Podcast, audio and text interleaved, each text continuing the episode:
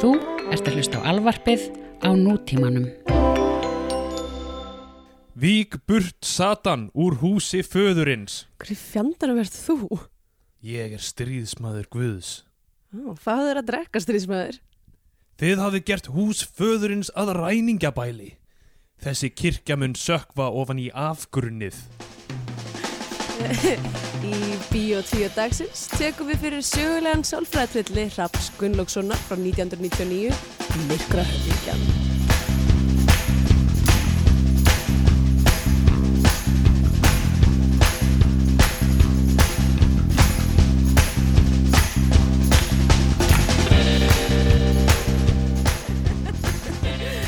Jæja, sæl og blessuð og verið velkomin í Bíó 2, hlaðvarpið um íslenskar kvikmyndir.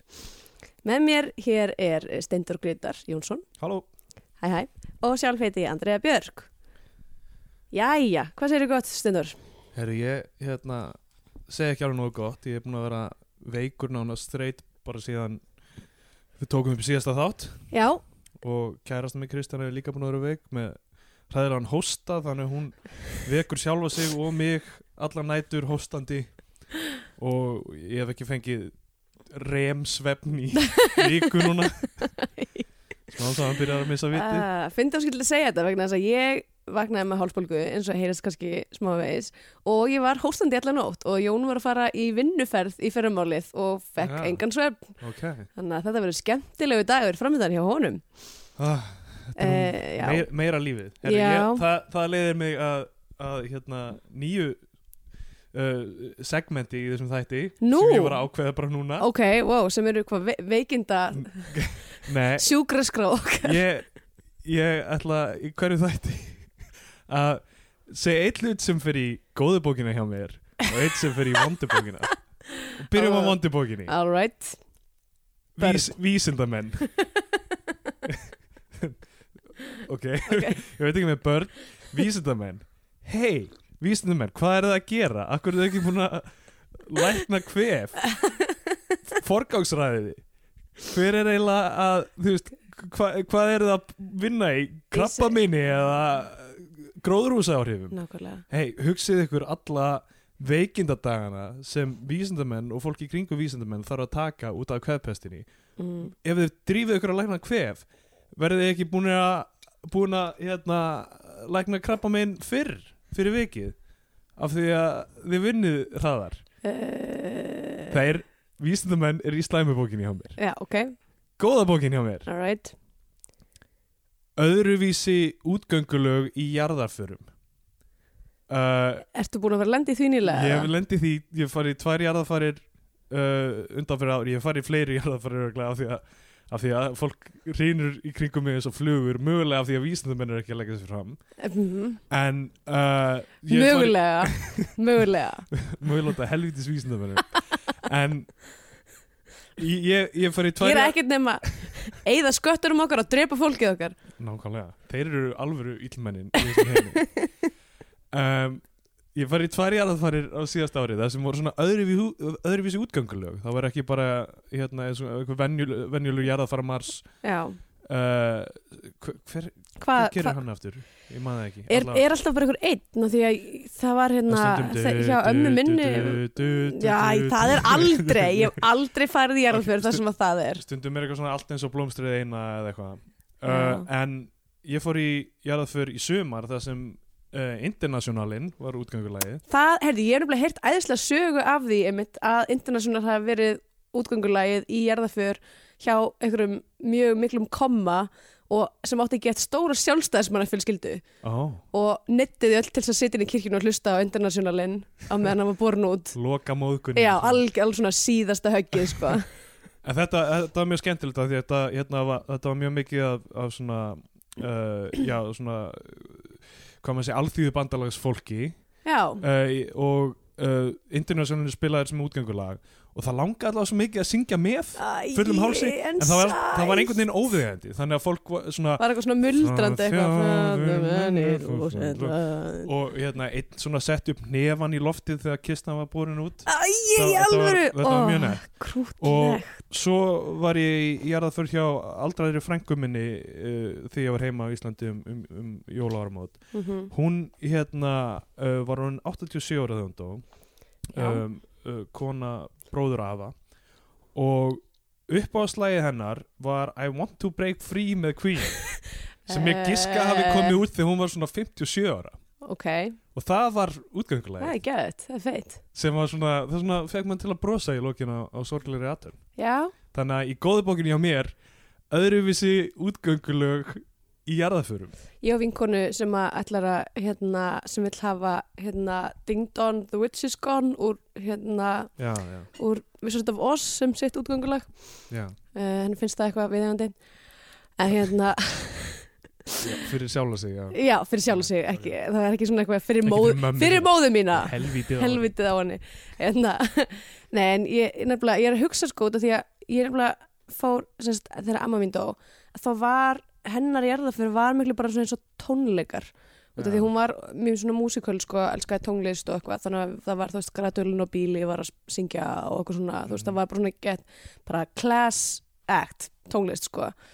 Það var mjög flott og ég man þetta ekki hvað var útgöngu sjálfurinn út af því að ég var háskælandi að byrja kistu sem var allt of þung og þetta var bæði vei algjört klúður í erðafrömmu minnar er að, að því að hún á svo mikið af, sagt, af, af meir hlutin af sagt, barnaböndunum minnar eru stelpur og við vorum sko sex að byrja kisturinnar og ein ólétt kona Já. og kistan var bara mjög þung og það munaði ekki tilstaklega miklu við myndum ekki drífa Úf. út að reyti sko Ég myndi segja að það væri svona faux pas nummer eitt. Heitt.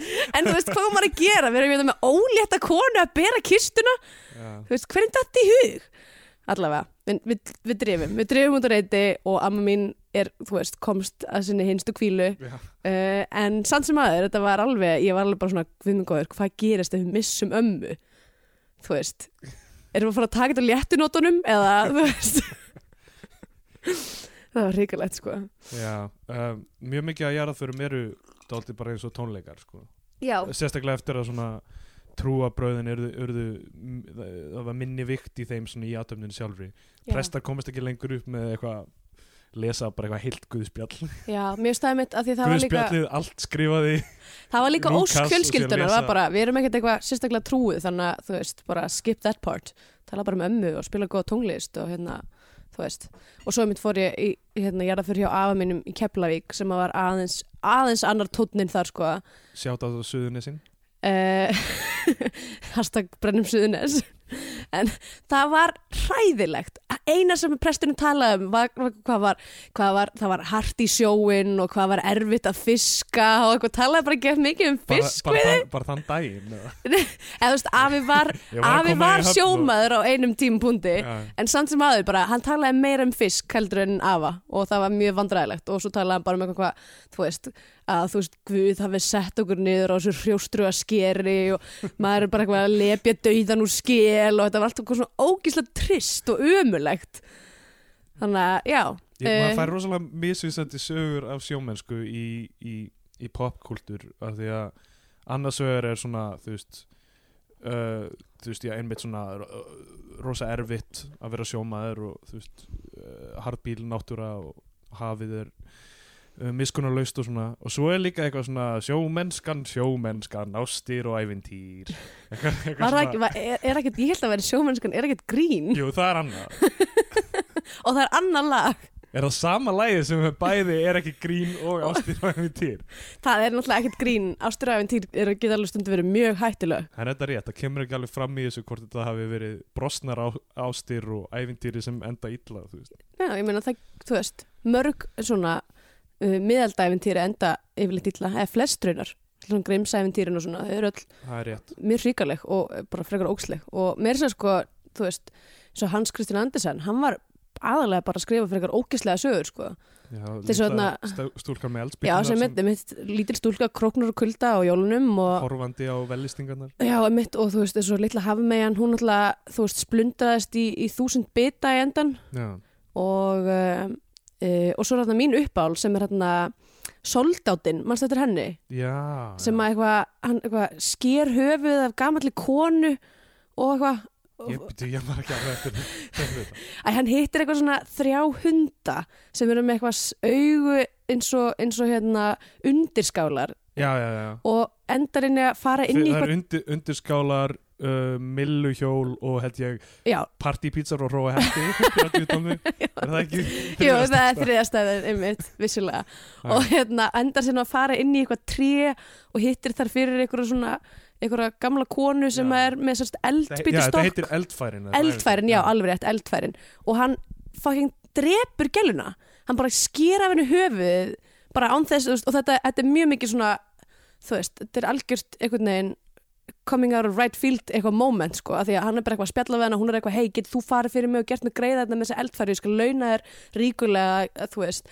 Og hann er bara eitthvað, mm, ég held að drepið bara og taki eldfærin. Og svo fer hann í bæinn og eitthvað, reynir að nauðga ykkur prinsessu og drepa pappinar og eitthvað. Þú veist, þetta er bara helluð saga, sko. Vá, ekki fyrir börn. Ég myndi ekki alveg að þetta endaði svona Svo gleyma ég margir að, að litli ljóti andarúkinu eftir að hann var hann fallegur, þá fekk hann mótelsamning og ánýttiðist kókaini og var mjög illa leikinn af bransanum. í rauninni er kvikmyndin Gíja með uh, Angelina Jolie eða hluturki er um ljóta andarungan. Gía hefur ekki séð hana? ekki sjá hana, hún er ekki góð. Gíja, Gí G-E-A Ó já, ok, ég held að vera eins og hvern maður samtið Gía á íslensku nei, nei, nei, ok, G-E-A G- Já, já, ok. Gíja, Ég bara, ef ég hef heyrt um hana þá hef ég glemt henni. Er, ekki reyna að horfa á hana. Ég, Kristjana og Berglind meira svona að horfa á hana okkur, við vorum eitthvað chillandi og hún var svo léleg sko. Mm. við vorum bara eitthvað, ú, Angelina Jolie í fínum kjólum, eitthvað, horfum á það. Svo var það bara, hún var hræðleitla leikinn og bara og mér langaði bara svo mikið að kýla hana endlega, hún var svona ógeðslega leiðileg módeltýpa sem var ánættist heroinni og eitthvað oh my god, ég var svo glöð þegar hún dó. Vá, á hana til enda? ef við spóluðum svolítið mikið. Já, spóluðum bara svona, ah ok, hérna verðist þú vera að koma með alnami eitthvað eitthvað. Skemmtilega að horfa á hana þegar hún var ógeðslega að deyja. Já. Uh, já, allavega. Eru, við í Bíotvíó um, við hérna kunnum að meta að heyra frá hlustendum og það er uh, langaðvöldast að senda okkur eitthvað á Twitter. Ég er að Steindorgrétar og Andri er að Sveppgalsi mm. og við ætlum að lesa hérna upp uh, Twitter skilabóð sem við fengum. Já, hérna við einmitt tókum fúsi fyrir fyrir tveimu vikum, ekki satt? Uh, jú, e, milli jóla og nýjárs já, nei, rétt eftir Rétt eftir áramót. já. og hérna og, töluðum svolítið um tæstæl sem ég var handviss um að væri staður í Keflavík af því ég var bara svo viss um að allt þetta væri gerast í Keflavík af því þetta var svo sorglegt allt saman og hérna en við fengum hérna sendt frá Björn- Birni Tates Björsa Tates B, BT um, BT Músin. BT Músin. Uh, Tæstæl er á smiðivegi var áður með kong langkrægast fyrir uh, K-Pat, stekt hrískun skýt sæmilegt. Fyndið vegna þess að ég vann á með kong back in the day, reyndar í Bæjalind uh, og þá var reyndar bara útibú í Soltúni og uh, já, ég var í 15 ára þegar ég var að vinna þarna og þetta var og raunar sko, út af því að nú er ég líka eins og þú meðlumur í Ég Antili uh, samtökunum. Já, og það var eiginlega á Mekong þegar ég var að vinna á Mekong þegar ég var 15 ára og hérna yfirkokkurinn á Mekong sem heit Stefania uh, hún var alltaf eitthvað þú er svo mjó, þú borðið meira. Og var alltaf eitthvað, hún talaði alveg svona ég er ekki, þú veist. Hún var thailensk og, og hún var alltaf að hafa ágrið að ég var svo hóruð og var alltaf að láta mig borða. bara, kannski fekk ég heila blóðfall væri bara Var- Nei, æ, æðislega típa, elskar Stefáníu og hún var alltaf að elda fyrir mig eins og hún væri að elda fyrir börnin sín. Og það var sko svo stert, það var bara svona Thailand stert Vá. sko. En, eh, en mjög góða matur. Þannig að sjáta til Stefáníu sem var með Kong fyrir tíu árum síðan. Sko, ég man eftir þessum stað uh, svona úr, úr minni kreðsu einhvern veginn í hagaskóla eitthvað, ég held ég hafi ekki borðað þarna en það voru alltaf að tala um hambúrgarana þarna á tímabili, á það eru svo góðir hambúrgarar með kong. Vá, ok, Ég, ég, get, ég get sagt um að það er ekki í raunin. Nei, þetta var allt eða þú veist, bara svona eins og eins og tælski veitingastæðir eru oft ekki kannski verið að leggja alla vinnuna í hreinlætið? Uh, Bjössi Teit spætir við uh, eigandinn frægur fyrir að gefa rauðu sósuna Sriracha í 10 millilítra skömmtum á borð fyrir 26 þið samnýtið þetta strákar Ok, ég veit reyndar ekki hver átti með Kong á þessum tíma en þess að gæinn sem að tók að því það var sko skiptist um eigundu þrísvarum en ég vann hana það var eitthvað mega vesen. Og núna er sko krúatæ á þessum staði bæjalund sem að ég var að vinna. Já, okay. uh, og síðasti gæinn, þa- rétt árin ég hætti um, hann var mjög skröðil típa. Og getum vel verið hann var ógslag oft í svona, svona svartkvít röndóttum þröngum buksum, svolítið svo Beetlejuice Það er gott lúk nema það væri ekki gott lukk á honum af því að það voru mjög þröngar og það bara mótaði mjög mikið fyrir kynfærunum á honum alltaf sem hann var kannski ekki, þú veist, og hann var alltaf bara með einhverja fyndar og stelpur í vinnu hjá sér sem hann var líka einhvern veginn, það var allt svolítið svona uh, kannski var það meiningin hjá honum að, að, að hérna að láta móta fyrir sig á kynfærinu sínum. Kannski Já, vel, allavega, ef þetta er hann þá allavega, þá er það algjörlega, algjörlega eftir hans karakter að, gefa pínlítla skamta af sósum. Anyway, allavega við fengum önnur skilabóð uh, frá Ara Gunnari sem er uh, hérna at Ari Gunnar á Twitter mjög uh, góður hlustandi hefur sendt okkur nokkuð komment. Og Um, mikill kvikmynda, íslensku kvikmynda hérna, sérfræðingur. Já um, í rauninni ætti, þú veist þetta og, það, og þetta, þetta komment frá honum þetta sýnir líka þú veist að við eigum ekki að vera með hann þátt, við vitum ekki um kvikmyndir eða hvernig þeir eru gerðar eða hvernig þeir virka. En þetta er varandi punkt, punkt, komma, strik sem við horfum á í síðustu viku. Og við töluðum mikið um að það er bóma inn í skotinu uh, mest, mest alla myndina eða svona stóran hluta myndina og það var alltaf einhver bóma að sveiplast og gengum jættið svo langt að segja að hún væri ein af aðalpersonu myndarinnar. En hann segir varðandi bómuna í PPKS þá er ég 100% vissum að þessi tengt í að færa myndina í fjör, þrýr form fyrir Vafáes útgáfu. Það er að segja að myndinu var tekin upp á filmu í líklegast 1,85 móti einum og svo þarf að færa aftur í fjóru, þrýr og farið ítlaða því. Ekki að reyna að skrifa út þennan mikilvæga karakter úr myndinni en gerir ráð fyrir því að áhörnundur í bíó sá hana ekki sem uh, og svo tekur hann dæmi um að uh, hann hafi séð þetta meira segja í, í Bad Lieutenant Port of Call New Orleans sem er Sem Werner er- Herzog mynd. frekar nýsamt. Sem er frekar ný mynd með Nicolas Cage í aðaluturki Veitu, var hún tekin upp á filmu? uh, allir það ekki. Vá, það eru stundum leikstjórar, Sjónle stundum leikstjórar sem nota ennþá 35 mm og Já, reyndar get ég alveg trist Werner Herzog fyrir því. Já. Kristoffer Nolan vist mikill uh, stuðningsmæður þess vinur okkar tölum um Westworld töluvert í, í ég síðasta veit það þætti. ekki, ég, ég, ég fæ sömu upplifun með Christopher Nolan og Christian Bale er að, já, já, þeir eru alveg til að gera flott stöf, en þeir eru örugglega óþólandi típur og bara svona freka mikið, ég myndi aldrei hennar þekka þá. Já, ég, já ég, ég, ég veit ekki ég, hérna Kristján Bale, það sem að aðla fengi að heyra af honum er þarna þegar hann öskraði á, á manninu á settinu Já. Fyrir að gera hvað? fyrir að vera inn í, inn í hérna, bara sjónlínu hans meðan hann var að leika eitthvað, held ég Já, ég held að hann sé algjör tól, sko. Já, en uh, Ég er svo en sem ekkert, get, get ekki bakkað upp með, með Christopher Nolan, nema bara, þú veist, að ég veit ekki, svona dramatíst og gimmicky eitthvað, alltaf eitthvað svona, "Ö, við ætlum, þú heldur að þetta sé að gerast, en svo er eitthvað annað að gerast, Já. he, he, he. tvist í lokin á bíómyndum eru svona uh, það þarf að fara sparlega að þeim Já, einmitt, og það, hann er alls ekki að gera það. en, það- þannig farin að vera svona klísi eins og bara M. Night Shyamalan út af Já, því að maður er bara eitthvað, hvenær gemur tvistið? En augljóslega þá, já nákvæmlega, maður býst við því sko. En augljóslega þá, þá þjáist Kristján Bale fyrir list sína uh, hérna. Alveg tölverð. Hann hefur grenst og fitnað á víksl Það var alveg eiga það sko, en bara, svo líka þú líka þetta hérna liðp í honum. Þróksli töðunar mér. Herri, ég, ég skal, hérna, núna verð ég að verja smámælta sko, því að ég var, ég var smámæltur Ég var það nefnilega líka, en ég, ég, ég, komst yfir þannig hjalla. Ég líka, en er, þú, þú veist, þú getur þá ekki dæmt aðra sem eru smámæltir Þú veist, ég, ég, ég, heit, ég heiti Steindór, það var hægilegt að heita Steindór og Já, vera smámæltur ég og það kvíldi mikið á mér og, og ég fór til talmeinafræðings og ég segi S öðruvísi en annað fólk núna Er það? Já, flestir uh, setja tunguna um, upp í góminn bak við uh, tennurnar S, svona, svona eins og Já. snákur myndi ég, gera ég ger það ekki mm. S og, en ég er með, með tunguna niður í, í gómnum bara flata mm. ég held þessi Eh. bara einhvern veginn að milli sko okay. allavega, ég er náttúrulega fór Mér líka er auðvitað að sjá tunguna á sér í Þegar maður er- þegar maður er þessu já, það er rétt uh, já, ég fór líka, ég fór, það var bara innan skólan sem mér sko, ég, ég var bara í veldi fyrsta bekk og, send, í, og það var svona ömulegt dæmi, þegar maður var eitthvað svona leið eins og að vera að skamma mann að senda mann eitthvað sérstaklega nýja eitthvað kompu þar sem maður var eitthvað kennari eða eitthvað talamennafræðingur eða hvað sem maður var og hún var svona stóra rauða möppu með gett mikið af svona myndum og maður átt að segja hvað var á myndunum. Svo það hafi verið vandamálið. Nei, eða þú veist, Hvað er á þessari mynd? Snákur. Það var nákvæmlega svona.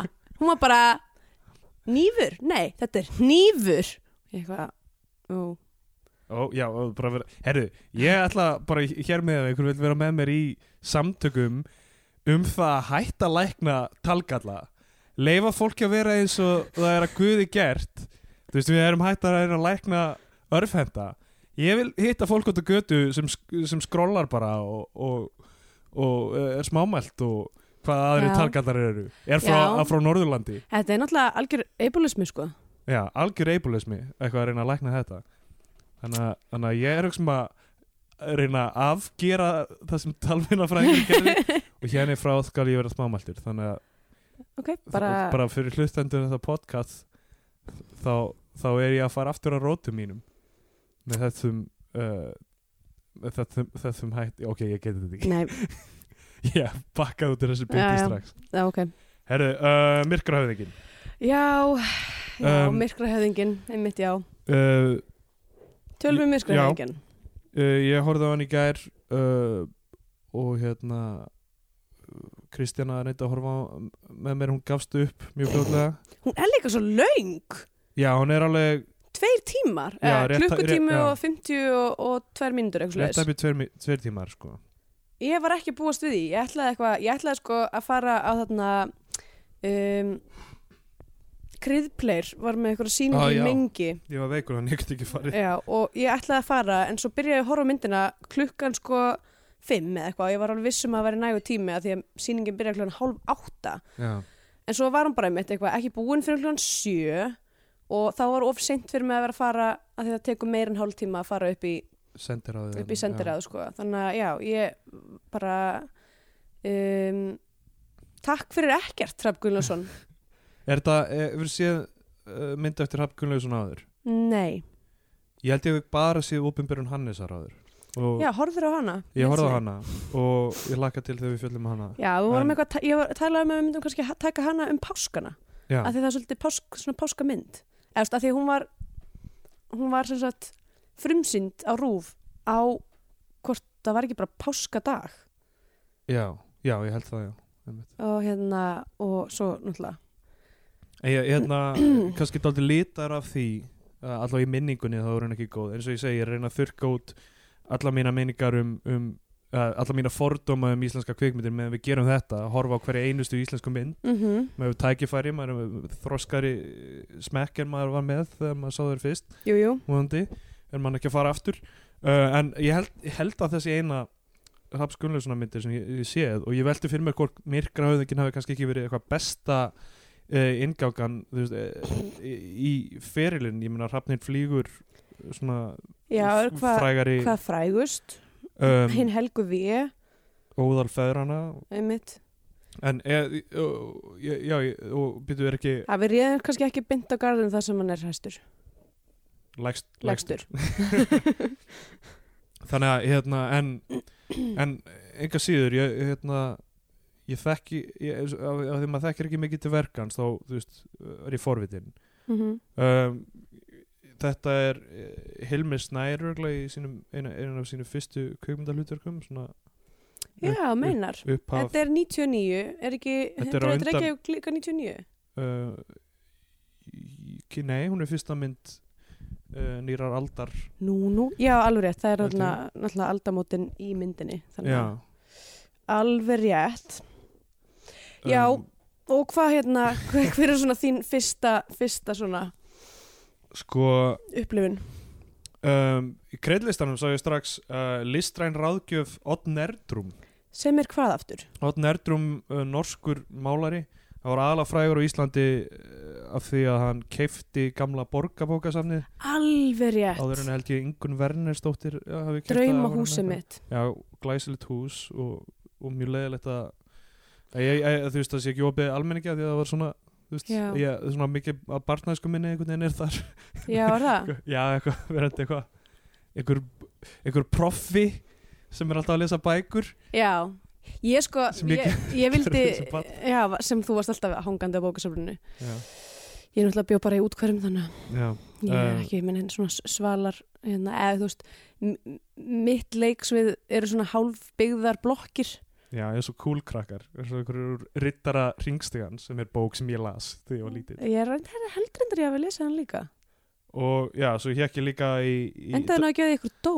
Jú, að deyja Spoiler! deyja alltaf fyrir einhverju býðum bara að við tökum Benjamin Dúfu. Já, herðu, einmitt, náttúrulega andra bækurnar döiði já, já. Þú er veist, hápunktur drama. Ó, þetta, er, þetta er rosalega sleft svona ef það ekki allir með sama plottivers ja?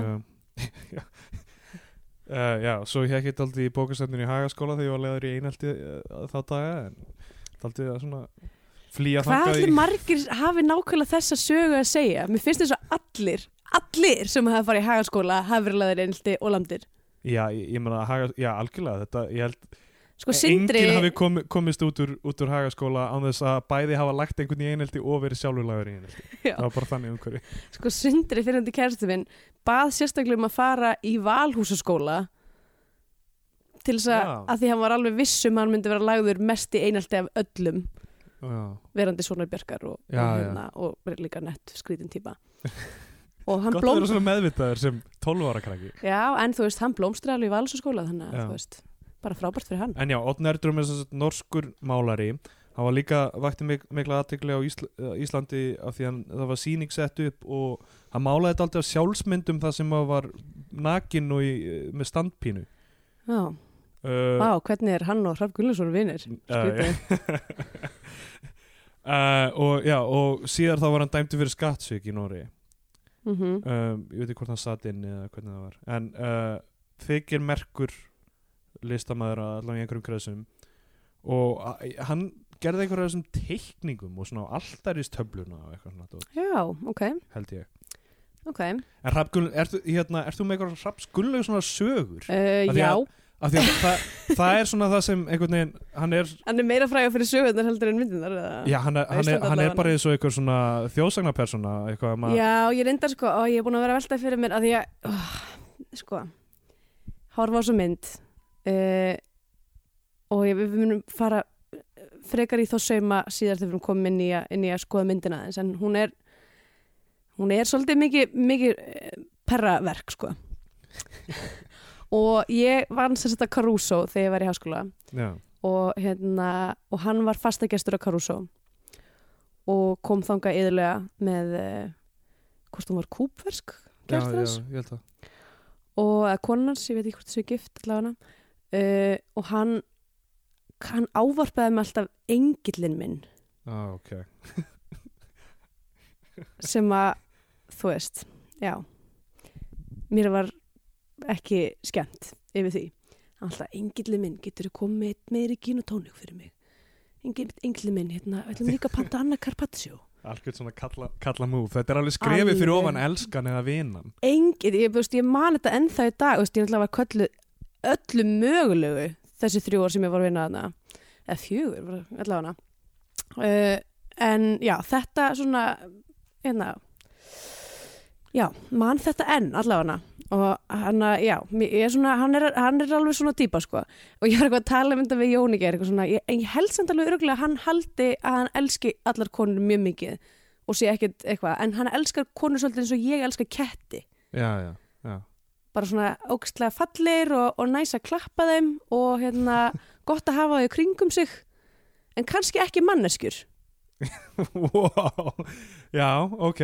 Ég, það, ég meina þetta eru stór orðum um hrapt sko. Ég, já, já, ég, eins og ég segi ég, já, veist, ég, ég skil alveg ég skil alveg hvernig maður fær þetta, þú veist, ég hlakka til að horfa á fleira myndum hans, maður getur kannski lesið það. að því að til dæmis eins og hann og kúfarsku konun hans hann talaði spænsku ekki tilstaklega vel og hún talaði ekki ensku. Þau töluðu aldrei saman þegar voru að borða sko. Já, já, hann talaði alveg bara við yfirþjórin hei, Ástin spyr ekki um nei, nei, svo sem rétt. Já, já, alltaf en svo er ég nefnilega með aðra aðra sögu af rafglusinni sem að reynar hann er ekki sjálfur inn í sögunni en húsið hans er þar Já, að því að hekla vinkonu mín var semst að hássitta fyrir hann einhvern tímann og ég fór þangað eitthvað, við fórum að horfa bíómynd og eitthvað, hún var bara að chilla og hérna, og, var, var þetta á, á hérna á laugarnestanga? Já. já. sem sagt það hús Já. og hérna, og það er mjög æfintilegt hús og það er einhver risa svamlulaug í, í kjallaranum sem að hérna, sem að sem uh, er helmingur sjór, helmingur vatn? Að þess að hún er bara í flæðamálinu og bara þegar það er flóð þá bara kemur sjór inn í laugina og eitthvað. Það er sko merkilega margir sem hafa farið einhver, einhver túrum þetta hús. Já, og en Ég líður hálf út undan að að hafa aldrei komið allavega, það var sem sagt strippsúla í Svernberbygginu Já, þannig að ég er svona eitthvað mm, já, ég veit ekki alveg, I don't know. Og svo var líka eitt ógslafindi þú veist að draga áleiktarinn þetta kannski er hann að strippa. kannski er hann að að allavega. En það sem strippa ég fannst eiginlega fyndnast var að það voru svona, það voru svona fimm risastur kassar í andirinu fullir af DFD með ofnbjörn Hannesar. Allavega hana, já. Þannig að þetta eru mínar hrakunilega svona sögur, ert þú með ykkur? Nei, ég er ekki með neina góða þannig síðan sko. Ég, ég, ég mitt heyrði eina þú veist, úr, úr húsinu hans að hann hafi verið með eitthvað svona, eitthvað svona Jésu á krossinum e e eitthvað stýttu svona Jésu á krossinum og, og verið eitthvað að sína einhverjum hana og já, svo veitir um upprisu holdsins og þá tekur hann í svona einhverja stöng og þá er, er hann í bónir Jésus er í bónir á, á krossinum. Þetta er eitthvað sem ég heyrði. Herði, jú, hann var líka með hérna, velunin sín inn á gestaklóstunu Já, það er alltaf cool move sko. Steinþór Helgi Arstiðsson er með alla svona getur betur eitthvað svona inn á klóstunu sínu. vel, velunastöf og, og gullplötur eitthvað frá sprengjuhöllinu og hjartalínu eða hvað það er. Nei, já, það, já þegar hann og allir Bollason byggu saman Já, þegar á E8 já, Já, ég man eftir því. Al, og líka, það var líka eitthvað mjög skemmtilegt málverk inn á af, hvort það var ekki líka af, af einhverju, einhverju hérna, grjót, grjóthörðum lim ef ég mann rétt allavega. Sko, í nákvæmlega, þú veist við við erum alltaf að brjóta niður Raps Gunnlaugssonar hérna í byrjun er, þú veist, það er mjög erfitt að aðskilja listamannin frá listaverkinu einhvern þegar kemur að honum, hann er svo stór karakter. Og hérna og, uh, og við erum ekki með neitt neitt hræðilegt á hann ennþá þannig að ég held að við verðum að, að hérna, að, þú veist, þetta er allt bara þú veist, karakter eins og e, e, e, enn sem komið er, þá er þetta bara karakter og persónuleiki og, og svona. En auðvitað er hann, þú veist auðvitað er auð, auðvelt að mynda þessi skoðun á honum. Þú veist, hann er alltaf að úttala sig um skipulagsmál hann var útastmaður í langa tíma. Um, hann, hann er með sólgleru og allt sem hann fer. Já, og já, hann var í vikunum daginn með, með sólgleru og var spurður út í og neitaði að svara held ég. Ég veit ekki hvort hann er með eitthvað eitthva, hérna, gláku eða eitthvað en hann, ég, ég sá hann einu sinni í, í, augunum. Var hann með sólgleru í, í World Class sko og hann var í hvítum buksum og hvítum ból sem stóð á Bangkok og með sólgleru já, já, hvað, taka því í eitthvað. klikkað lúk Vá, geðveit algjörða unapologetic look. Bara Oh hann my og Kári God. Stefánsson eru svona í World Class. Kári Wow. Stefánsson er alltaf í ósamstæðum eitthvað svona uh, Boston Celtics treyju og Lakers stuttbuxum. Það er eitthvað Wow. svona, hvernig þetta er þetta í hug? Sacrilege. Nei, ég meina bara hann kemst upp með þetta. Já, já Já, hérna mm, ok, byrjum að þessari mynd Já. uh, hún byrjar, ok, þetta er myndin er byggð á Píslasögu Jóns Magnússonar frá 17. öld sem er, sem er uh, bók sem Jón Magnússon prestur skrifaði þar sem hann var uh, fólk svona eftir á segir þú veist, Þetta er hann hafi eiginlega verið- varnarrit Já, þetta er varnaritt, sko, fólk segir eftir á að, að hann hafi verið að missa vitið á þessum tímapunkti um, raunni, ok, það er bara mynd, myndarinnar uh, hann er prestur á vestfjörðum. Hann uh, sakar tvo menn um uh, feðga um galdra. Já, í bókinni heita þeir Jón Jónsson og Jón Jónsson. Já, en en blessunarlega var því breytt í Pál Pálsson og Pál Pálsson í myndinni. Í alvörinni, Já, vá, ég fældi ekki í því. Af því þú veist það er kannski svolítið mikið að aðalsögu heiti, heiti Jón Jónum, Magnússon já. og svo heiti hinn gæðnir Jón Jónsson Já. og Jón Jónsson. Jón Jónsson eldri og Jón Jónsson yngri þegar hann er búin að fá þá brenda fyrir galdra þá, uh, sko, af því að hann telur að, að þeir hafi einhvern veginn uh, galdraði eitthvað á sig þannig að hann, sé, hann er rosalega veikur hann og, veikur, og, hann og, og heimilisfólki hans já, voru öll bara, þú veist, í ykkur pest líkt og, líkt og það sem við hérna í Berlíninu búin að vera upplifa já, unda, nákvæmlega. undarfærin hver er að galdra á okkur hver hér? er að leggja á okkur? Er það hún Merkel? Angela Merkel, er hún að galdra á okkur? Já, það er öruglega hún nei, það ykkur, það er örugglega ykkur, svona rival podcasti. Já, eitthvað svona hitt íslenska podcasti frá Berlín. Ég veit ekki hvað það er. Ah, já, sem er búin að leggja okkur ykkur fred rúnir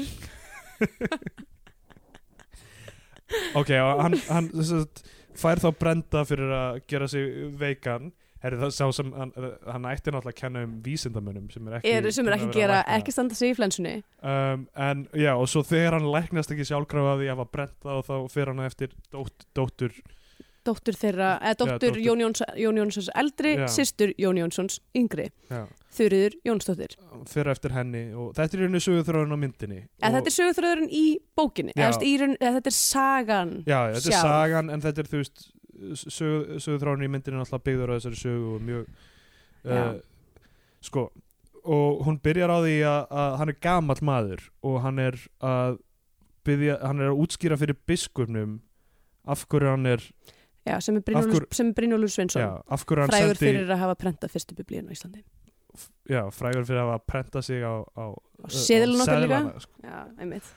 Út af því að hann var gæinn sem var komið fyrstu já. til Íslands og það sem er náttúrulega, kli- hann er að útskýra fyrir biskupnum af hverju hann seldi djöflunum sál sína sem við fáum síðan að þú veist, vita í lókmyndarinn að hann hafi gert Já. biskupin í leikin á kjartari Gunnarsinni framkvæmtastjóra sjálfstæðisflokksins Kjartar Gunnarsson sem er frægur fyrir að vera alltaf með slaufur já. og ætla hann hafi verið hérna kastaður að því hann líkist Brynjólfur Sveinssoni uh, nei, seðlinum? nei, all, nei, hann er, mér finnst hann ekki líkur honum. En svo hann- fyndi að sjálfstæðismæður líkist gett mikið gæinn á, á sæðlinum ég held þessu bara vinir sko. Ok, og ég var mjög lengi að registrera þetta bara einhvern veginn þú veist, hann kemur ekkit, kemst ekkit illa frá þessu hlutverki sko. Kjartan Gunnarsson bara nei nei, hann bara og ég oft velt fyrir mér hvort nafntúðaðir sjálfstæðismenn uh, er það ekki góði leikarar eins og Tryggvi Þór að Herbersson þeir eru svo góður í að ljúa ú, herðið, ef við viljið fá almennlegt politíst slam, þú veist há, hárbeitta satíru þá hlustið á Bíotví uh, sjálfstæðismenn eru alltaf að ljúa uh, Tryggvi Þór Herbertsson er með eitthvað eitthva það besta andlit og svona sem ég veit um. Ég geti hort að það mjög lengi. Ok, ég held að hann væri mjög góður í bíómyndum og núna er hann ekki á þingi lengur. Já. Og er hérna að reka eða þú veist, er eitthvað viðlóðandi Basar og Oddsson. Já, emmitt þannig að ef, ef einhver kveimund að gera maður er að hlusta bara fáið Tryggva Þór til að leika einhver, einhverju típu í. Já, emmitt, hann var líka á yngri árum var hann gefið þessum manni séns. Hann fyrir fengið svo fáa sénsa í heiminum. Herru, á yngri árum þá var hann rótari eða hljóðmaður eða eitthvað þannig fyrir greifana. Þannig að hann hefur komið víða við. sval, svalu gæi, svolítið típa. Já, ok, allavega þetta byrja sérst þannig að, uh, að hann er aldrað maður að koma og játa fyrir biskunum um, sögu sína og er búin að og, já, og sem sagt, kemur með ritið með sér sem hann er búin að skrifa og líka einhverjar myndir sem eru ansi gróteskar Já. að einhverju svona, einhverju djöfla klámi og Já. hérna og við skiljum ekkert akkur, það, veist, var hann að tekna þessar myndir eða hver, hvaðan koma þær? Svo er það útskipt setni myndinni allavega. Og svo köttu við bara inn í frásögnuna þess að Brynjólfur byrjar að lesa og er eitthvað eða var annóð dóminni eitthvað bla bla bla. Og þá sjáum við bara hérna Hilmisnæ e, að vera viður til prests og svo hérna tekur hann með prestkalli með því skilir þið að giftast ekkjunni í prestkallinu já, og svo tekur við mjög langt ferðalag hjá honum vantanlega frá hérna Skálholti þar sem hann uh, var að taka, var við til prests uh, og þetta er allavega, ég held að þetta sé er þetta ekki á strönd, eða rétt hjá þetta er eitthvað stærri á Ísafyrði held ég sem átt á að gerast já þetta, er á vestfjörðum ég, Já, á, Vestfjörðum. á ströndum held ég sem er þá þetta er nefnilega Já. ekki strandamálið sko. Það er annar mál, já, kirkjuból er samt á sko á hérna það er alveg öruglega fleiri en einn bær sem heitir Já, kirkjuból. ég held að þetta kirkjuból sé þarna hjá, uh, sunnaverðum við breyðafjörðin ok, Uh, allavega, það tekur við alveg bara svona fimm mínútna kapli þar sem að hann er á leiðinni á hestinu sínum. Og þetta er sætur hestur. Uh. íslenskir hestar eru svo mikla dúllur sérstaklega þegar þeir eru svona í vetrarham og eru gett loðunir já. og krútlegir. uh, allavega, ég fylgdist mjög mikið með hestinum. Um, en sem sagt, það sem mér fannst mjög áhugavert eins og Hrafn Gunnlaugsson fylgist með konum fylgist ég með litlum sætum dýrum. Já. Ég samt í alveg hef upplifað það oft þegar ég er eitthvað svona þú veist, ég hitti kannski kött á förnum vegi og ég er eitthvað svona hæ, hæ, má ég klappa þér? Og er eitthvað svona, uh, eitthvað að klappa minn. Ég er eins og eitthvað ógeð ég er eins og bara einhver Já. ógeðslega perri og, Það er mjög perralegt hvernig við komum fram við dýr sko. og, og þú veist veist, er eitthvað svona að klappa kísun eitthvað, að þið finnst svo gott að láta klappa þér og Ó, guð. eitthvað svona, ó, viltu láta taka þau þau vilja aldrei láta taka þessu upp og ég gera það stundum, sko það ekki sko. ég reyna að halda aftur af mér en ymmit þegar ég er eitthvað svona, ó, Ég láta það yfir sig ganga sko. já, ymmit en ég, þú þú veist, ég var að horfa á 12 years a slave í vikunni og þetta er bara eins, eins og þau sagt í byrjun myndarina bara ekki, þú veist, bara gerðu eins og þau segja bara ekki vekja þeir aðtekli og það er nákvæmlega sem kettinir gera sko. kettinir eru bara eitthvað, ok, hérna kemur manneski að bara, bara, bara, suck it up. Já, suck it up, bara ekki vera með neitt vesen. Oh my god. Hræðilegt, nema kísan sem við hittum um daginn þannig að við Hún var alveg- hún var bara, þetta var nú bara einhver portkísa sko Svo er þetta slut shame að kísuna fyrir að vilja láta ég klappa var sig að löfa það. Ég var bara, oh, kísa, hvernig er Jesus það? Christ. oh, oh, ég leiði mér að klappa þér. Oh, man, allavega sem sagt, Hilmi Snær er á leiðinni á vestfið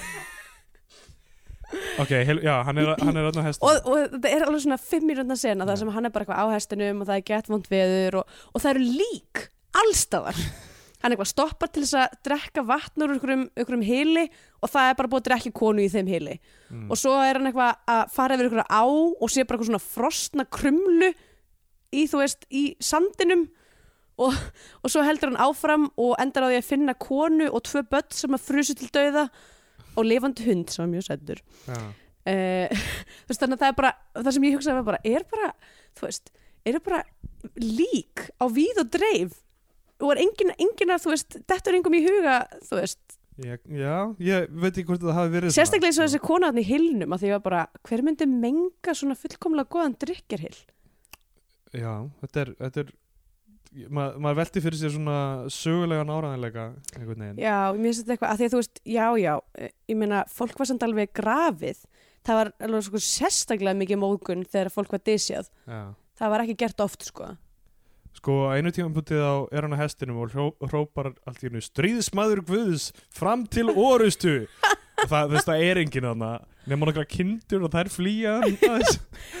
Veist, Þetta er establisher bara að hann er algjör fáviti. Já, e- e- bara í byrjun þá fáum við að vita það. Og hann er að narreita allan tíman sko. það Já, er sögumæður allan tíman, Hilmi Snæri er sögumæður mm og það narration er orðið semi-óþólandi svona tíu myndur inn í myndina. Það sko er bara yfir all, alla myndina stanslust já, ég hugsaði með eitthvað svona kannski væri hún bara skýt sæmili sem myndi ef það væri ekki svona eins og eins og upprunlega útgáfana bleiturinn versus Já, hérna, já. direktorskött, af því að þú veist, þetta narration í Harrison Ford er ógeðsla pyrrandi Sko- að það eigðilegur alla þú veist svona Cut, fegurðina í myndinni, af því að þú veist bara eins og þú veist, mómenti þar sem að þar sem að Rutger Hauer er að deyja og, veist, og segir veist, þessar, þessar immortal línur þá byrja síðan bara allt í einu narrationi yfir eitthvað kannski var hann að segja við mig að ég ætti að njóta lífsins og eitthvað svona, maður er bara eitthvað oh, þú ert að eigðalega þetta moment þegiðu Harrison Ford, þegiðu Já.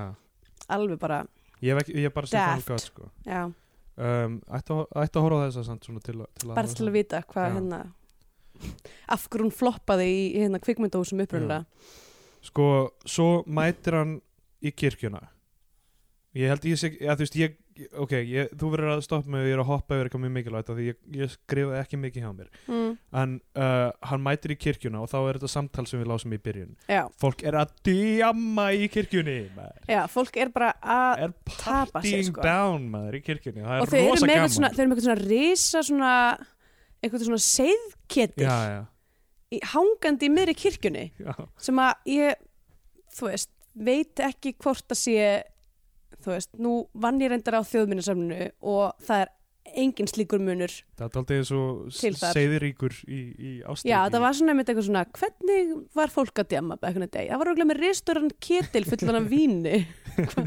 Mm, Já, það, er megapartí í gangi. Hann kemur inn, hann spottar strax hérna, The hot girl. The Hot Girl. Uh, Sara Þöll heitir hún, eða ekki leikonan Já, ég held það. Og hérna um, spottar hana strax tekur sér smá tíma að checka hana út svo eftir hann er búin að vera, Það hana verður að stund, við verðum að gefa Hilmi það að hann er með mjög fyndna svona andlitsvipi þegar hann er að checka út stelpur. Já, nei, bæði líka bara þegar Sara Dögg fyrir ekki, Sara Dögg þegar hann var hérna, þegar hann var að fa- rétt áður en hann sagði hérna eitthvað, stríðismæður guðus eitthvað, þá var hann eitthvað svona eitthvað svona, gera eitthvað svona svip sem er okkur svona prakkarlegur. Hann checkar hann út og svo öskrar hann bara því hvað er það að gera hérna inn í kirkjunni? Þið eru að djamma, þetta er kirkja, er ekki að að djamma. Sem er samt obvious, ég verð samt að Já. viðkjanna ég hef djammað í meirinni kirkju. E- já, ég, ég brotist er í Ég- tvær kirkjur til að djamma þar. Meiri, meiri guðlastarinn. Já, já, ég er með eina, eina minnir djamsögur mér sem við hefum skrifað í sóknarbókina. Strika út Jésús og skrifa Satan allstaðar ég held reynda sko að Sindri fyrir hafi skrifað eitthvað svona eitthvað emitt satanist sko wow. ég veit að núna að hann hefur auðvitað verið undir miklu sterkum áhrifum frá þessari mynd af því að hann var oft með eitthvað svona eins hérna glóriur ég meina þetta gerist síðan í myndinni. Ég sérst að tala um Sindra Frey Steinsson, vinn minn uh, gítarleikara í Boogie Trouble. Já. Ég meina Jamsi úr, úr kirkju en ég, ég held ég láta hann að býða til betri tíma. Hvað er þetta, og komið of mikið að djamsum úr, úr kirkjum? Já, ég er bara hættur um Við erum ekki einbyttugun um mikið af myndinni. Já, leið, ok sem allir Eh, koma ef til að viljið ef þið viljið hlusta heyra frekari djamsugur úr kirkjum uh, bara tweetið á okkur. Já, tweetið til okkar. Hashtag, Og- og- hashtag kirkjudjam Já, og tweetið til okkar ef þið viljið Baltasar februar þar sem við förum yfir ok, ég held að Baltasar. Februar það voru, það voru dræm viðbröð Já, við fengum eitt mjög neikvætt eitt mjög neikvætt, ekkert jákvætt. Ég efast stórlega um að fólks ég held bara fólki í landinu vill ekki Baltasar februar Býðum með hann kannski eitt ár Tökum já, ég segi hugsa kannski eftir einmitt eitt ár þá Já. kannski er komin tími fyrir Baltasar februar. Ok, það, þú veist Já, ég, eh, við erum bara, ég veit ekki eitthvað í svona þyrstur í það, kannski bara því við erum búin að vera að horfa á tvær, núna tóldi svona gamlar myndir og, og ég væri til í já, aðeins meiri vilt, vilt vellu eitthvað svona blockbuster eitthvað dæmi. blockbuster. Um, Ok um, Hún Ok, æja, hérna, ert þú með, með eitthvað til að segja næst? já, æ, ok, hann kemur hann kirkjuna sundurlaust og eitthvað svona og, tekur eitthvað eitthvað tekur æðiskast Og hann hellir víninu Já. Nei, þau yfirbygðu hann ekki, hann eitthvað reynir að, lifta kallinum til þess að hella víninu og brotnar burðarbit í loftinu og rótar hann Já. og hérna Ég eh, sem ég held að einhver hefði gripið hann á þeim tímúti Nei, það, já, nei, það það er voru kannski eitthvað svona eitthvað að ídunum eða eitthvað líka. En allavega og það, hann rótast og svo rankar hann við sér og þá er hún hérna, hún þurriður uh, hinn fa uh, súfagra, engillin hann kallar hann alltaf engillin Já, það. Já! Það er mikið að persónuleika hraps í og maður, ég var ekki búin að fatta fyrir núna hann er alltaf að kalla hann engil Það fyrsta sem maður segir við hann er bara Þú ert svo ung og svo falleg. Hvað var kall, maðurinn er eitthvað svona, þú veist, heldur strax að hún sé eiginkonan sem hann, Já, já, sem, sem hann hafi verið giftur. Nei, nei. Herru, aldeilis bara egg on his face. Það kemur í ljósa að eigin kona sem bara gömul kona. Og honum býður við því svo mikið. Hún er samt, mér finnst þetta svolítið ómaklegt af því Já. hún er ekkert eitthvað, Nei, nei, hún er bara hún er bara fín, skilur. eldri kona eins og, Já. eins og, eins og biskupin segir bara, Já, þú já. veist, Vín, vín og konur verða bara betri með tímanum. Hann er bara having none of that. Hann vil ekki sofa hjá henni. Allan að viðst hún kunni til verka. Já, hún er alltaf eitthvað að reyna að fara niður á hann. Já hann, hann, hann er bara, þú veist Hann er ekki til í þetta. Nei, og hann er bara þú veist sko það sem myndin eiginlega setur upp þarna sem, þú veist, ég veit ég veit ekki hvort þið viljandi af því að maður er, eða ekki sko er að, er hvað hann er entitled dólgur í rauninni Já. ég veit ekki hvort myndin er að gera þetta viljandi eða ekki ég fæða aldrei á hreint ég hugsa það ég meina ef, ef svo er þá, veist, þá er hún betri en en, en ég held af því ég upplýði svo mikið um þetta, hann er bara svona entitled dólgur sem að, þú veist, brýtur af fólki og, vill, og, og, og réttlitar svo fyrir sjálfum sér. Já. Ég hugsa óslega mikið um, þú veist, til dæmis bara vinkonum mínar sem að hafa verið nöðgað og, þú veist, viðbröðun sem að sem að þær hafa fengið þegar þær segja frá því Já. og sérstaklega frá þeirra, þeirra ofbeldismönnum er að það er bara mjög svipað oft það sem er í gangi. Já, já, hann er bara eitthvað réttlæta eitthvað, hún er bara svona, hún er að, hún er að, hérna, hún er að hérna, leggja fyrir mig snöru og eitthvað svona, þú veist, og hún er að ljúga upp á mig og þú veist, það er allt, þetta er allt svona sko, sem að, þú veist, Og hann alltaf er, það er ekki langt liðið að myndinni þegar, þegar hann reynir síðan að, að nöðgenni bara já, það er bara mjög stuttir í myndina, þá, þá hérna, leitar hann á hana já, og hérna, ok, leiðum mér aðeins, fyrst eitt sem ég þarf að ræða, því að þau eru hérna, þau mæti kirkjuna, eða þegar hann mætir í kirkjuna, eru þau öll að djamma, sem sagt, prestsekjan, uh, Jón Jónsson uh, yngri, eða sem sagt, Pétt Pál, Pál Pálsson yngri, já, uh, og Þurri Pálsdóttir er hérna hún er samt eiginlega, virðist ekki vera skemmt þessi sérstaklega mikið þetta er svolítið svona þú veist, svolítið mikið eh, svona suppudjam í gangi þarna. Já, og hvort að ef, ef Pál Pálsson eldir er ekki líka þarna. Uh, og svo virðist vera sem að það sé eitthvað í gangi milli prestsekkjunar og Páls Pálsson yngri að því hann eitthvað segir eitthvað við hana eitthvað svona þú veist hvort að ég man ekki nákvæmlega hvað var það var eitthvað svona þú veist hvort það sé ekki eitthvað opið í dalinn eða eitthvað svona eitthvað, eitthvað, eitthvað ömulegt ógslætt júfumusum fyrir kynlíf. Eins og þau hafi þú veist verið að ríða eða eitthvað líka. Já. eða allavega verið eitthvað svona, hún segir eitthvað svona þú ávarfið mig aldrei svona aftur.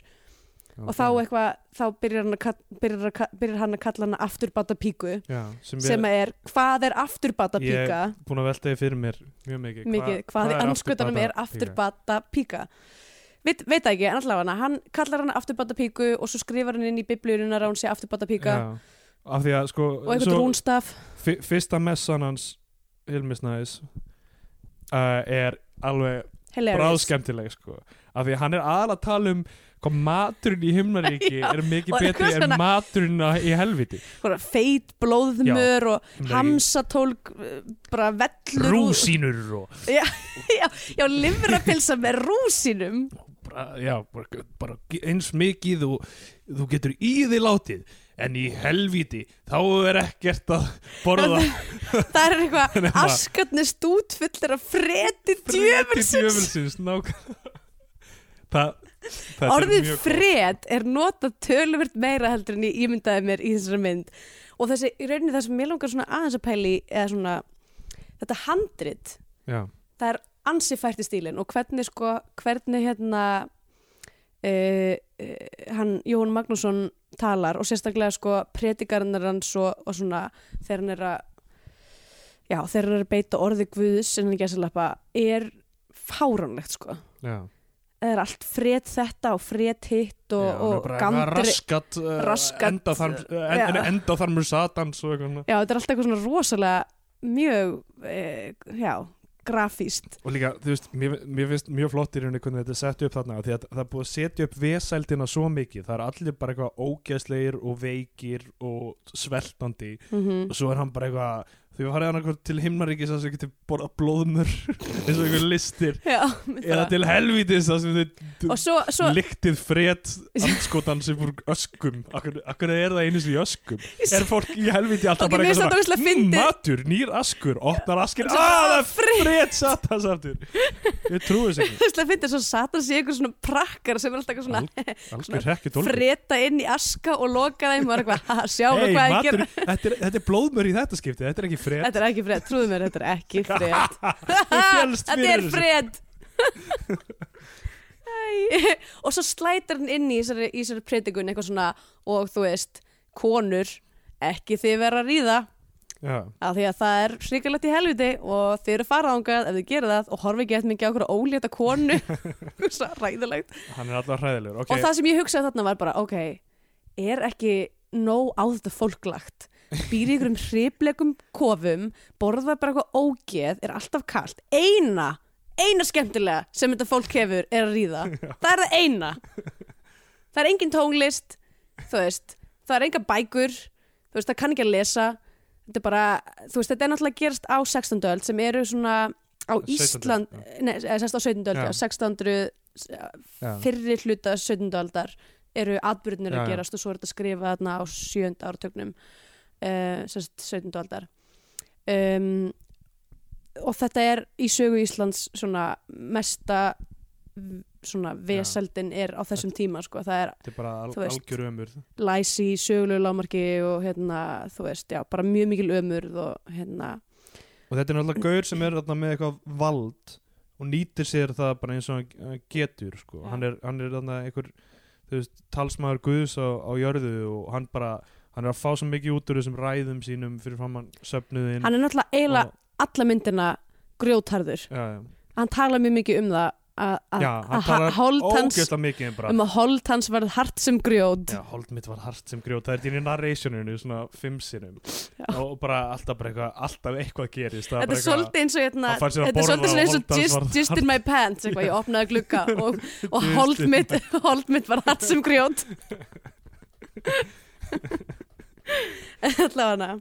Hann er Um, sérst bara rosagræður en það vill hann ekki sofa á konun sinna hann er alltaf, hann er alltaf að fá bónir í svefni. sama hvað konan hans vil totta hann konun hans er alltaf að reyna að fara niður á hann á meðan hann er sofandi og hann vaknar bara og er bara eitthvað lemur á hann já, sko. blöytir draumar og hann bara eitthvað þú veist, leskið mikið í þá. Hann fær blöytan draum og það er bara eitthvað svona mega, eitthvað útlegging á því hvað hann þýtti alltaf já, Ok, um, uh, já, uh, þú veist, við erum rétt byrjuð á myndinni, þetta er mjög snemma í myndinni. já, Svo er, þú veist, uh, ég veit ekki hva, hvort við að fara yfir þetta alveg senu gegn senu, þannig verðum við í allan dag. En, allavega Pál Pálsson eldri er, er, svona, er hérna lækningamaður uh, og sem sagt og það hefur sem sagt verið orða við þannig að hann sé eitthvað göldróttur út af því að hann er lækningamaður sem að er um, og svo er dóttir hans þurður Pálsdóttir líka uh, lækninga þess að hún hefur lært af honum og það er Já. náttúrulega bara sögulega um sem sagt á miðöldum að þeir sem voru brendur á báli voru yfirleitt lækningafólk uh, og voru þar lendi uh, já, nornir eða galdra seið, eða seiðkarlar þetta er nákvæmlega sem Donald Trump og republikaninn er að gera núna í bandaríkjunum.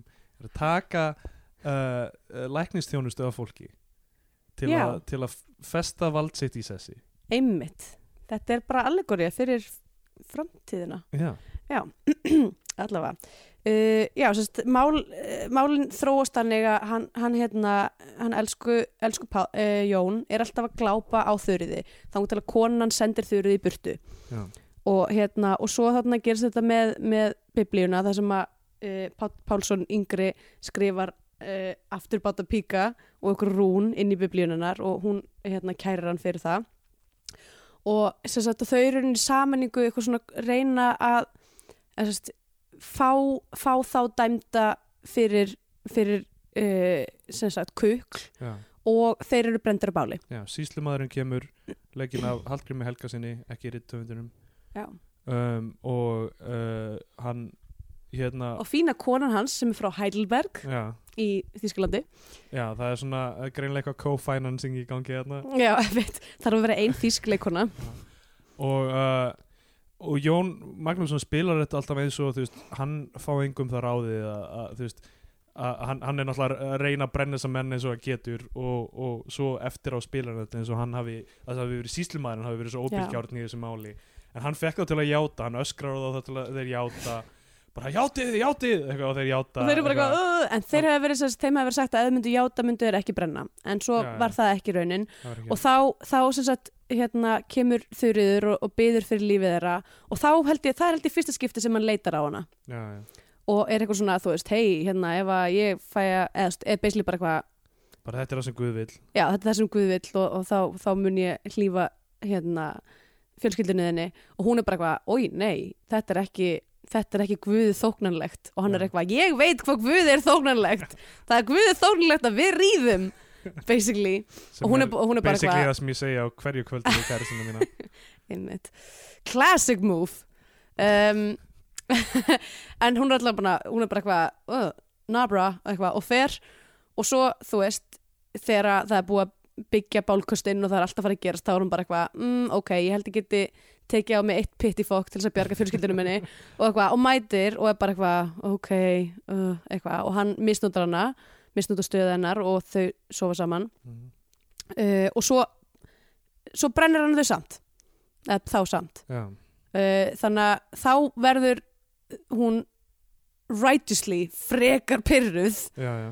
Það, sko, ok, það, það er kveikt stórt bál að fari með þau upp á svona hjall fyrir ofan bálið og þeim fleikt hún í bálið. Er, veist, er alveg það er ekki bundnir við og látnir brenna heldur bara fleikt þannig að þeir líka með mér finnst það samt alveg skiljanlegt sko, með að við bara, þú veist, það er til þess að halda eldi gangandi á Íslandi á þessum tíma árs og með bara kjarr til þess að, þú veist, kynnta mm, þá þarftu að vera með einhver svona hólu þau hefur pælt mikið í þessu Já, ég, la, ég las einu svona geðveikt langa grein um járnvinnslu á Íslandi á þjóðveldisöld sem að útskýri mér mikið hvernig á að byggja góða elda.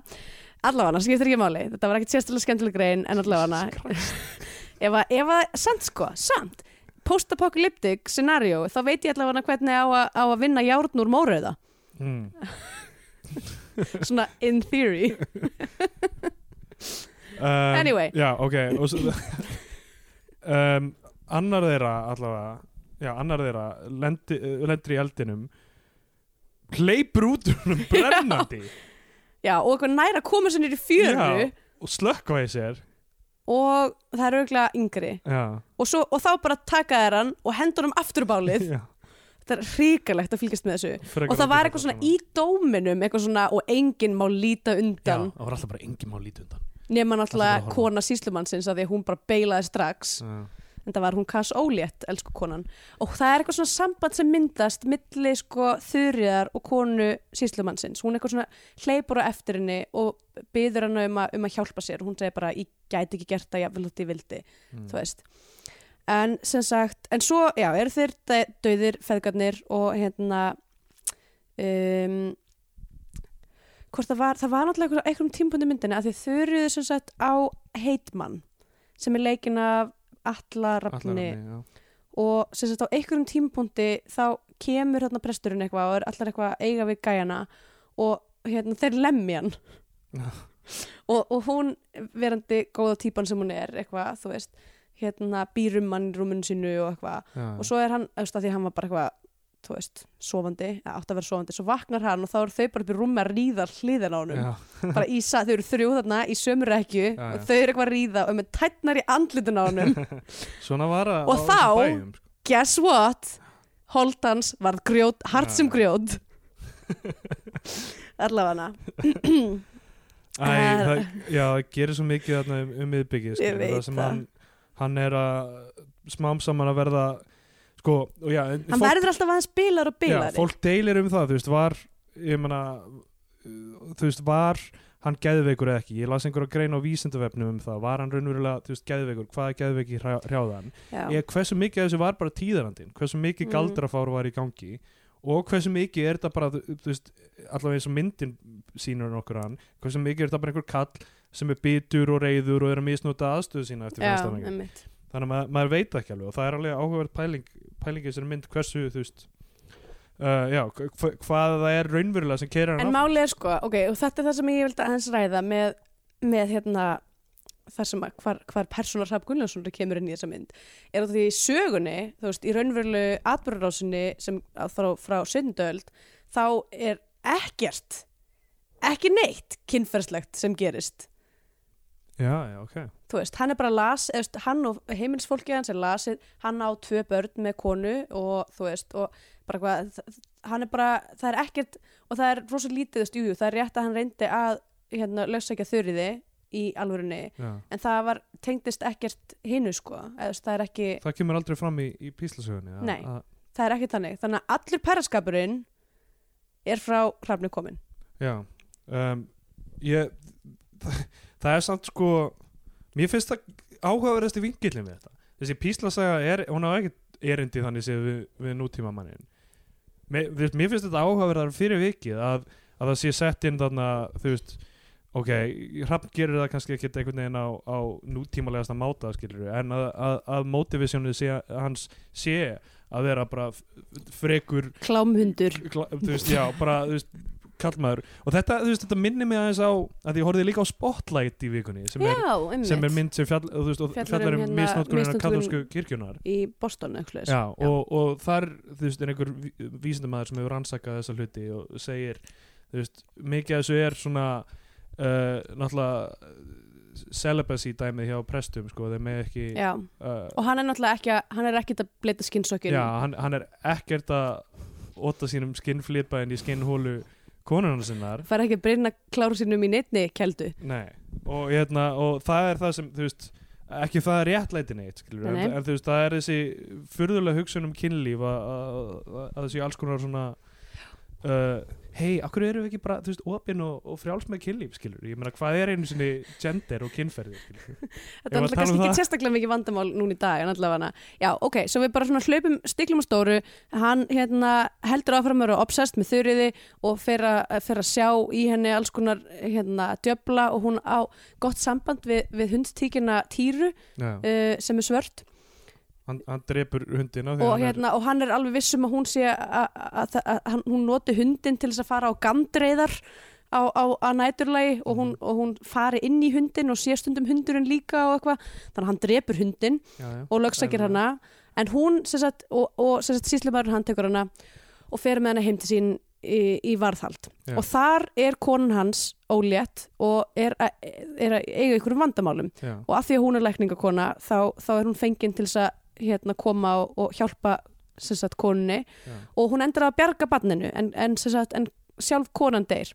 Já, og þá veginn er hún búin að vinna síslumann og sitt band fyrir að bjarga með því að bjarga barninu hans. Og, hérna, og þá snýst Já. atbyrður á sinn gegn geðveika uh, geðveika prestinum. Já, og, og, og, og þá hérna fer síslumæður með hana til til Jóns, er það ekki? mm til að gera examinasjón Examinasjón sem er geggjaður frá sig og, hérna, sem er basically bara eitthvað og ég held, ég held að ég sé að fara að skipta út þessum með Guðs vilja á, á kvöldin já, og nú þurfum við að gera nú þurfum við að examinasjón framkvæma examinasjón á hann ég fyrir niður á kjærustunum mína. Uh, oh, Jesus Christ. uh, þú, þú, þú málar sjálfur þetta hot um, En examinasjón er samt bara þú veist að hún, að hún þurfti að drekka víkt vatn sko. Svo Já. byrjaði hann eitthvað, vildi gett mikið fara eitthvað að gá hvort já, að af því að hann sé djöfullin vera að ríða henni innanfrá. Já, af því að þessum teikningum sko, hann, hann segir sko, þeir menn sem samrekja sömu stúlkum og djöfullin verða kviðmáar djöfulsins og hann- þannig að vil taka niður allarafn með þeir, þeim orðum líka Já, þó hann hafi sjálfur svo við hann líka já emmitt. um, og hann er með einhverja teikningar þarna og sér eitthvað svona það er einhverju snákar eða eitthvað að koma út úr sköpum hvenna eitthvað. Já, þannig að þú veist, ef djöfullin hefur, hefur riðið konum þá átt að geta séð það á þeim og eitthvað svona. Já, og það er hann atriða sem uh, Gussi sem sagt, hérna Gunnar Jónsson sem er fúsa er, uh, er, er, er sem sagt stjúpsónur hans í gannum þessa konu Mhm. sem hann er keftur og reyndar í byrjun myndarinnar þá skýtur hann sjálf sem er bissu Já, og skildi ekki alveg það. voru byssur á 17. öld Uh, já, fram, framhleipur. framleipur og, og þetta er bara eitthvað sem er til á öllum bæjum eða? Nei, Kannski í nefnilega ekki sko. Ég er nefnilega, sko, síslumann er mögulega en ekki, ok, minnst það mjög hæpið sko. allavega það er uh, hann ský, skýtur sjálf veginn með byssu og það er eitthvað tólkað sem einhver galdrælinga Já, auga hans er í hakki. Ok, hann, hann er þarna eitthvað að hanga með síslumanninu meðan hann er, uh, hérna, Jón er reyna að framkvæma þessa examinasjón, lætur hann að drekka uh, víkt vatn. Og byrja svo bara að nöðgani. já, býst við að hún sagt, breytist bara í nord fyrir augum hann sem gerist ekki. Nei, hann kallar hann skækju sem ég finnst alltaf gott. Mér finnst eiginlega ekkert leikrit gott nema einhver hrópi skækja skækja. tíumhundi já, ok. skækja! Já, sko, orðflaumurinn sem kemur út úr hann og svo líka er hann alltaf eitthvað svona, gerir eitthvað svona, já, eitthvað svona Já. ógeð sljóð og eitthvað. og hérna hann, það er eiginlega, eiginlega langbest af þessa mynd er eiginlega bara veist, orðin sem er notuð Já, bara þessi, eh, veist, og Hilmir er góður í að einhvern veginn, Já, það er allt, allt alveg stóð, sko. Og- Já, Gussi er svona ákveðin senu þjóður í þessari mynd. Já, mér finnst það líka, mér finnst það mikill sinni þjóður og ég ætla hann líka að segja hérna, uh, tíkin týra af því að mér finnst hún Já, stór já. skemmtileg. En hérna, en já, sem sagt uh, svo fer hann eitthvað, ætlar að þetta gá á sköpunar hvort að hvort að hún sé búin að eiga samniti við djöfilinn. En bara missir stjórn á, á, á, á sér og, og bara byrjar nöðgani mm. og þá kemur síslumæðurinn og, og stoppar allt saman og hérna og í rauninni e, líkur þar þessu máli þannig séð Já, og svo köttum við aftur í sem sagt, þar sem hann er já. maður og hann vill endilega láta hengja sig á kross Já. til að yðrast hann, hann, hann sem sagt hann, hann í, í lokin þá er að selur hann djöflunum sál sína Já, að því að sérst, uh, hérna, að því að Gussi kemur aftur, kemur sérst eftir síslumannum sem að, og síslumannum sérst að stoppa hann í að nöðga þurriði já, og Gussi kemur eftir að og skýtur henni tippið já, með pi hinni pistólunni eða eitthvað líka. Uh, allavega Og- þetta er svolítið, þetta atbyrðurásin er svolítið svona pínumöld og, og þá á, á hann einhverja, hérna, hún er náttúrulega er eina virðist vera lækningamannskjan í héræðinu þannig að hann neyðist til þess að láta hana laga á sér náran uh, sem og hún gerir. Já, og hann er alltaf bara eitthvað bara ef, ef ég þarf að selja djöflunum sál mína til að til að ég læknist, þá skal ég gera það. Alveg ógæða tilbúin að flippa. alveg bara mjög fljótur að flipa og hún er að, ég er ekkert að byggja bara það hvað, það er enginn að byggja það. Hvað er til að segja? Ok, gamli, gamli Jón Magnússon lætur crossfesta sig þannig og, uh, og, og, og Brynjarli Sveinsson er bara eitthvað svona já, æ, láta hann bara vera þarna smá stund en passa hann verði ekki kallt og taki hann svo bara niður strax aftur. Já, eitthvað svona er bara eitthvað, ok, kallinn þarf að fá að gera þetta til þess að, þú veist hann virk, virkar sem mjög svona pragmatísk típa. Og svo mynd, endar myndin á því að summað út í einhverja djöfulega teikningi nei, ok, af því að hann sérst fer upp á krossin og svo byrja bara eitthvað þrumur já, á Íslandi og það list, líst þrumu niður í krossin og hann brennur. Já. þannig að og svo summast út og, og það er einhver svona teikning og svo, og svo kemur allir einhver drísill á teikninguna eitthvað! Þetta var "Ah." rosalega skrítin endir. Ég, og bara og sérstaklega þessi grafík að því að þú að kviknar í krossinum og hann er að brenna og Brynjólfur segir hvur þremillin eða eitthvað líka. eða hvað þá í hann segir eitthvað svona hvað þá í heitasta? Og, og svo bara eitthvað svona bre, sagt, sjáum við kort af Íslandi þar sem er eitthvað svona reykur að koma frá vestfjörðum og, og svo summast út í eitthvað svona hnattlíkan en þetta er samt alltaf eitthvað svona mjög grófar eitthvað svona pennatekningar já, og svo allt í einu er eitthvað svona djöflar í kringum Já. hnöttin eins og ég, sko, ég var að reyna að skilja þetta og ég var eitthvað svona þetta ok, mig er, er, er heimurinn sem við búum í raunverulega helviti já, þetta fær mig í lokin til að hugsa að uh, Hrafn Gulluðsson hafi klárað alvörunni á peningana nei, nei hann, hann trúi í alvörunni á á, á alla þessar hluti. Já, meinar, ok. Mögulega þessi endir af því í lokin þá kemur í henni guð eða eitthvað og lístur hann niður eða hvað það er eða, eða djöflar eða ég veit það ekki. Þú veist já, að galdrar séu kannski raunverulegir eftir allt saman þetta séu svona tvist af því alla myndin er alltaf, alltaf bara eitthvað rökriðt útskýring á öllu sem gerist. En ég meni rauninni var hann myrkrahöfðingin hmm. Já, ég menn hann, Það af, hann, af hverju hann var myndi eins og djöfullin í þessari sveit. Já, nákvæmlega. Uh, þannig að af hverju myndi ekki já. Djö- Guð ljóst hann niður. Djöfullin er komin í mig. Herru, en þú veist, auðvitað, af hverju myndi Guð þá ekki hérna, ljóst hann niður? Já, nákvæmlega. Já. uh, Ef að vinda okkur í Scandinavian Pain Index? Já, herðu, það er nú ímsataka, það er mikil eimt já, alveg hræðileg- rosalega mikil eimt uh, og það er nöðgun uh, það er uh, það er, hérna við glemdum að nefna það að allir hérna, heitmaður hérna þurriðar, hann hengir sig að því hann er vissum að, um að presturinn sé að fara að koma og sem sagt um, hann taka hann líka og brenna hann líka báli þannig að hann hugsa sér bara, þau ná mér ekki og hengir sig í hlöðinni Þetta eh, er allt hræðilegt sko. Já og já, ég meina það er þú veist, það er uh, valda misbeiting, Já. það er svolítið svona, það passar inn í er líkanu líka Það eru nöðganir, það eru dýrdrepin það er uh, fátækt og vósbúð og já, já, lík út um allt það er lík út um allt sko. Já, ég held ekki að mér finnst, hún er alveg þú veist, það er alveg töluverð svona, en svo náttúrulega já, svo gerist hún í fortíðinni. Já, þetta er ekki klassísk þetta er ekki klassísk, þetta er ekki, þetta er ekki þú veist, tíu af tíu negla. En ég myndi samt segja, ég er að hugsa um að gefa henni svona uh, fimm af sjö sjálfsvígum í hlöðu. Já. Já, ég myndi gefa hann alveg alveg 11 af, af 13 grjóthörðu holdi nöðgara Új ok, Her, þetta var short and sweet. Ok, við, við hérna í lokin þá gefum við myndinni annarkort uh, því, það að hún komist á flagskip íslenska kvikmynda og fáið þar með íslenska fánan. Mm eða að fólk hætti að forðast að horfa á hana og horfa í staðina einhverja Hollywood-vellu mm og þá fær hún bandariska bjánan. Já, Hva, hvað finnst þér um það? Sko um, Ég hef, þekki ekki mikið til verka Hrafskullinsunar Nei. Þetta var mögulega ekki besta myndin til að byrja á Nei. Hún uh, Því meira sem ég hugsa um hana og því meira sem ég tala um hana núna því Mhm. forvitnar ég, er ég með hana og því meira finnst mér til hana að koma um, Hún er hún vekur spurningar og kannski svarar þeim ekki öllum sem er, sem er yfirleitt gott Mm um, hún tekur þessa sögu sem er á ekkert mikið erindi við nútíma mannin hún gefur henni einhverja nútíma vikt. Þú veist það eru, það eru það er meiri mennska í þessu en held ég upprunalega.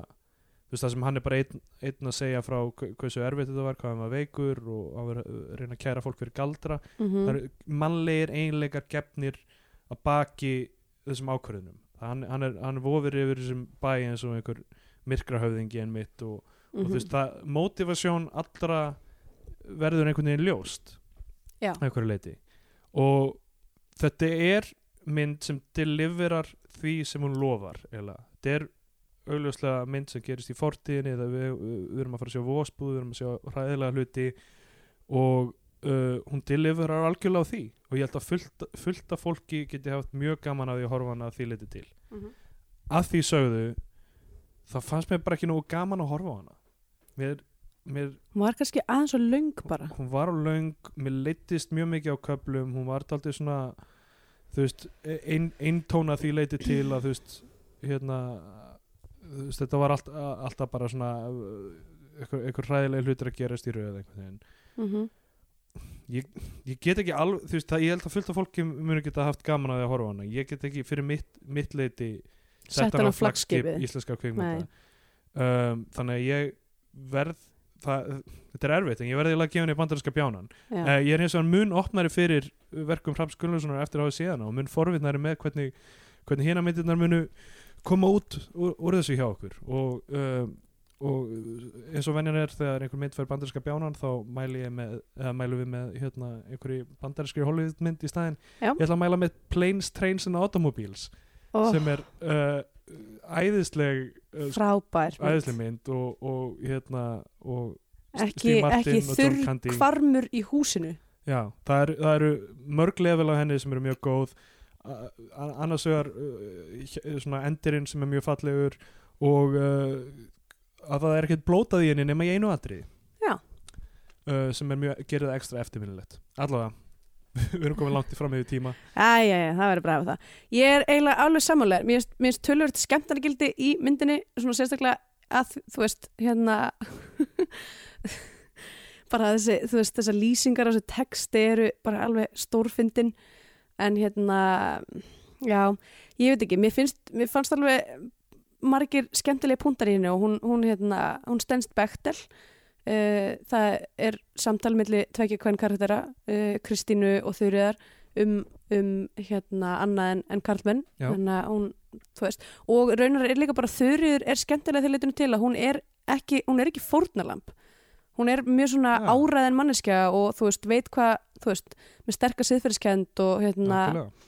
og þú veist, neytar að vera fórnalamb í rauninni sem er mjög skemmtilegt að sjá í svona kringustæðum en já, hún er ég get ekki með góðu móti sett hann á flagskipið en hún er samt alveg þú veist, það er alveg skemmtilegi puntar í henni sko, og hún er, hún er áhugaverð það er áhugaverð mynd sko mm.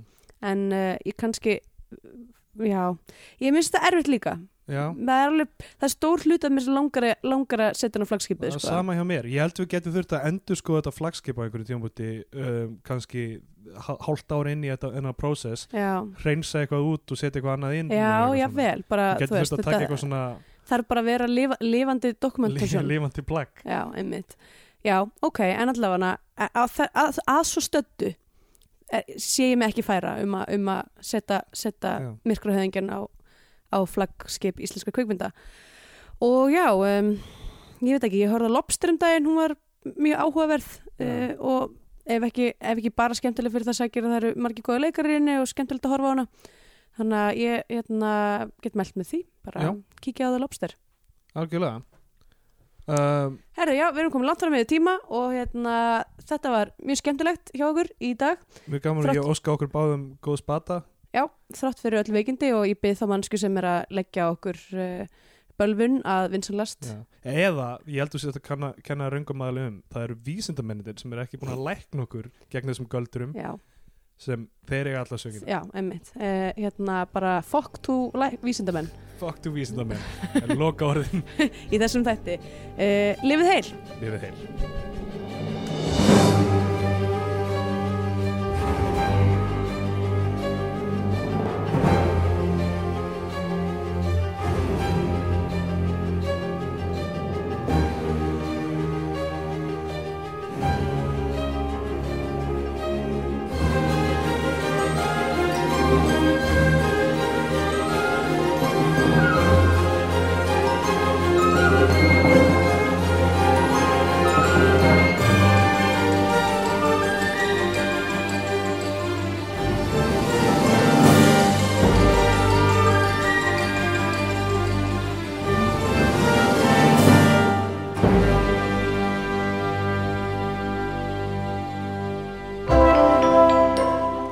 fleiri skemmtilega alvarpstætti á nútímin.is. Takk fyrir að hlusta.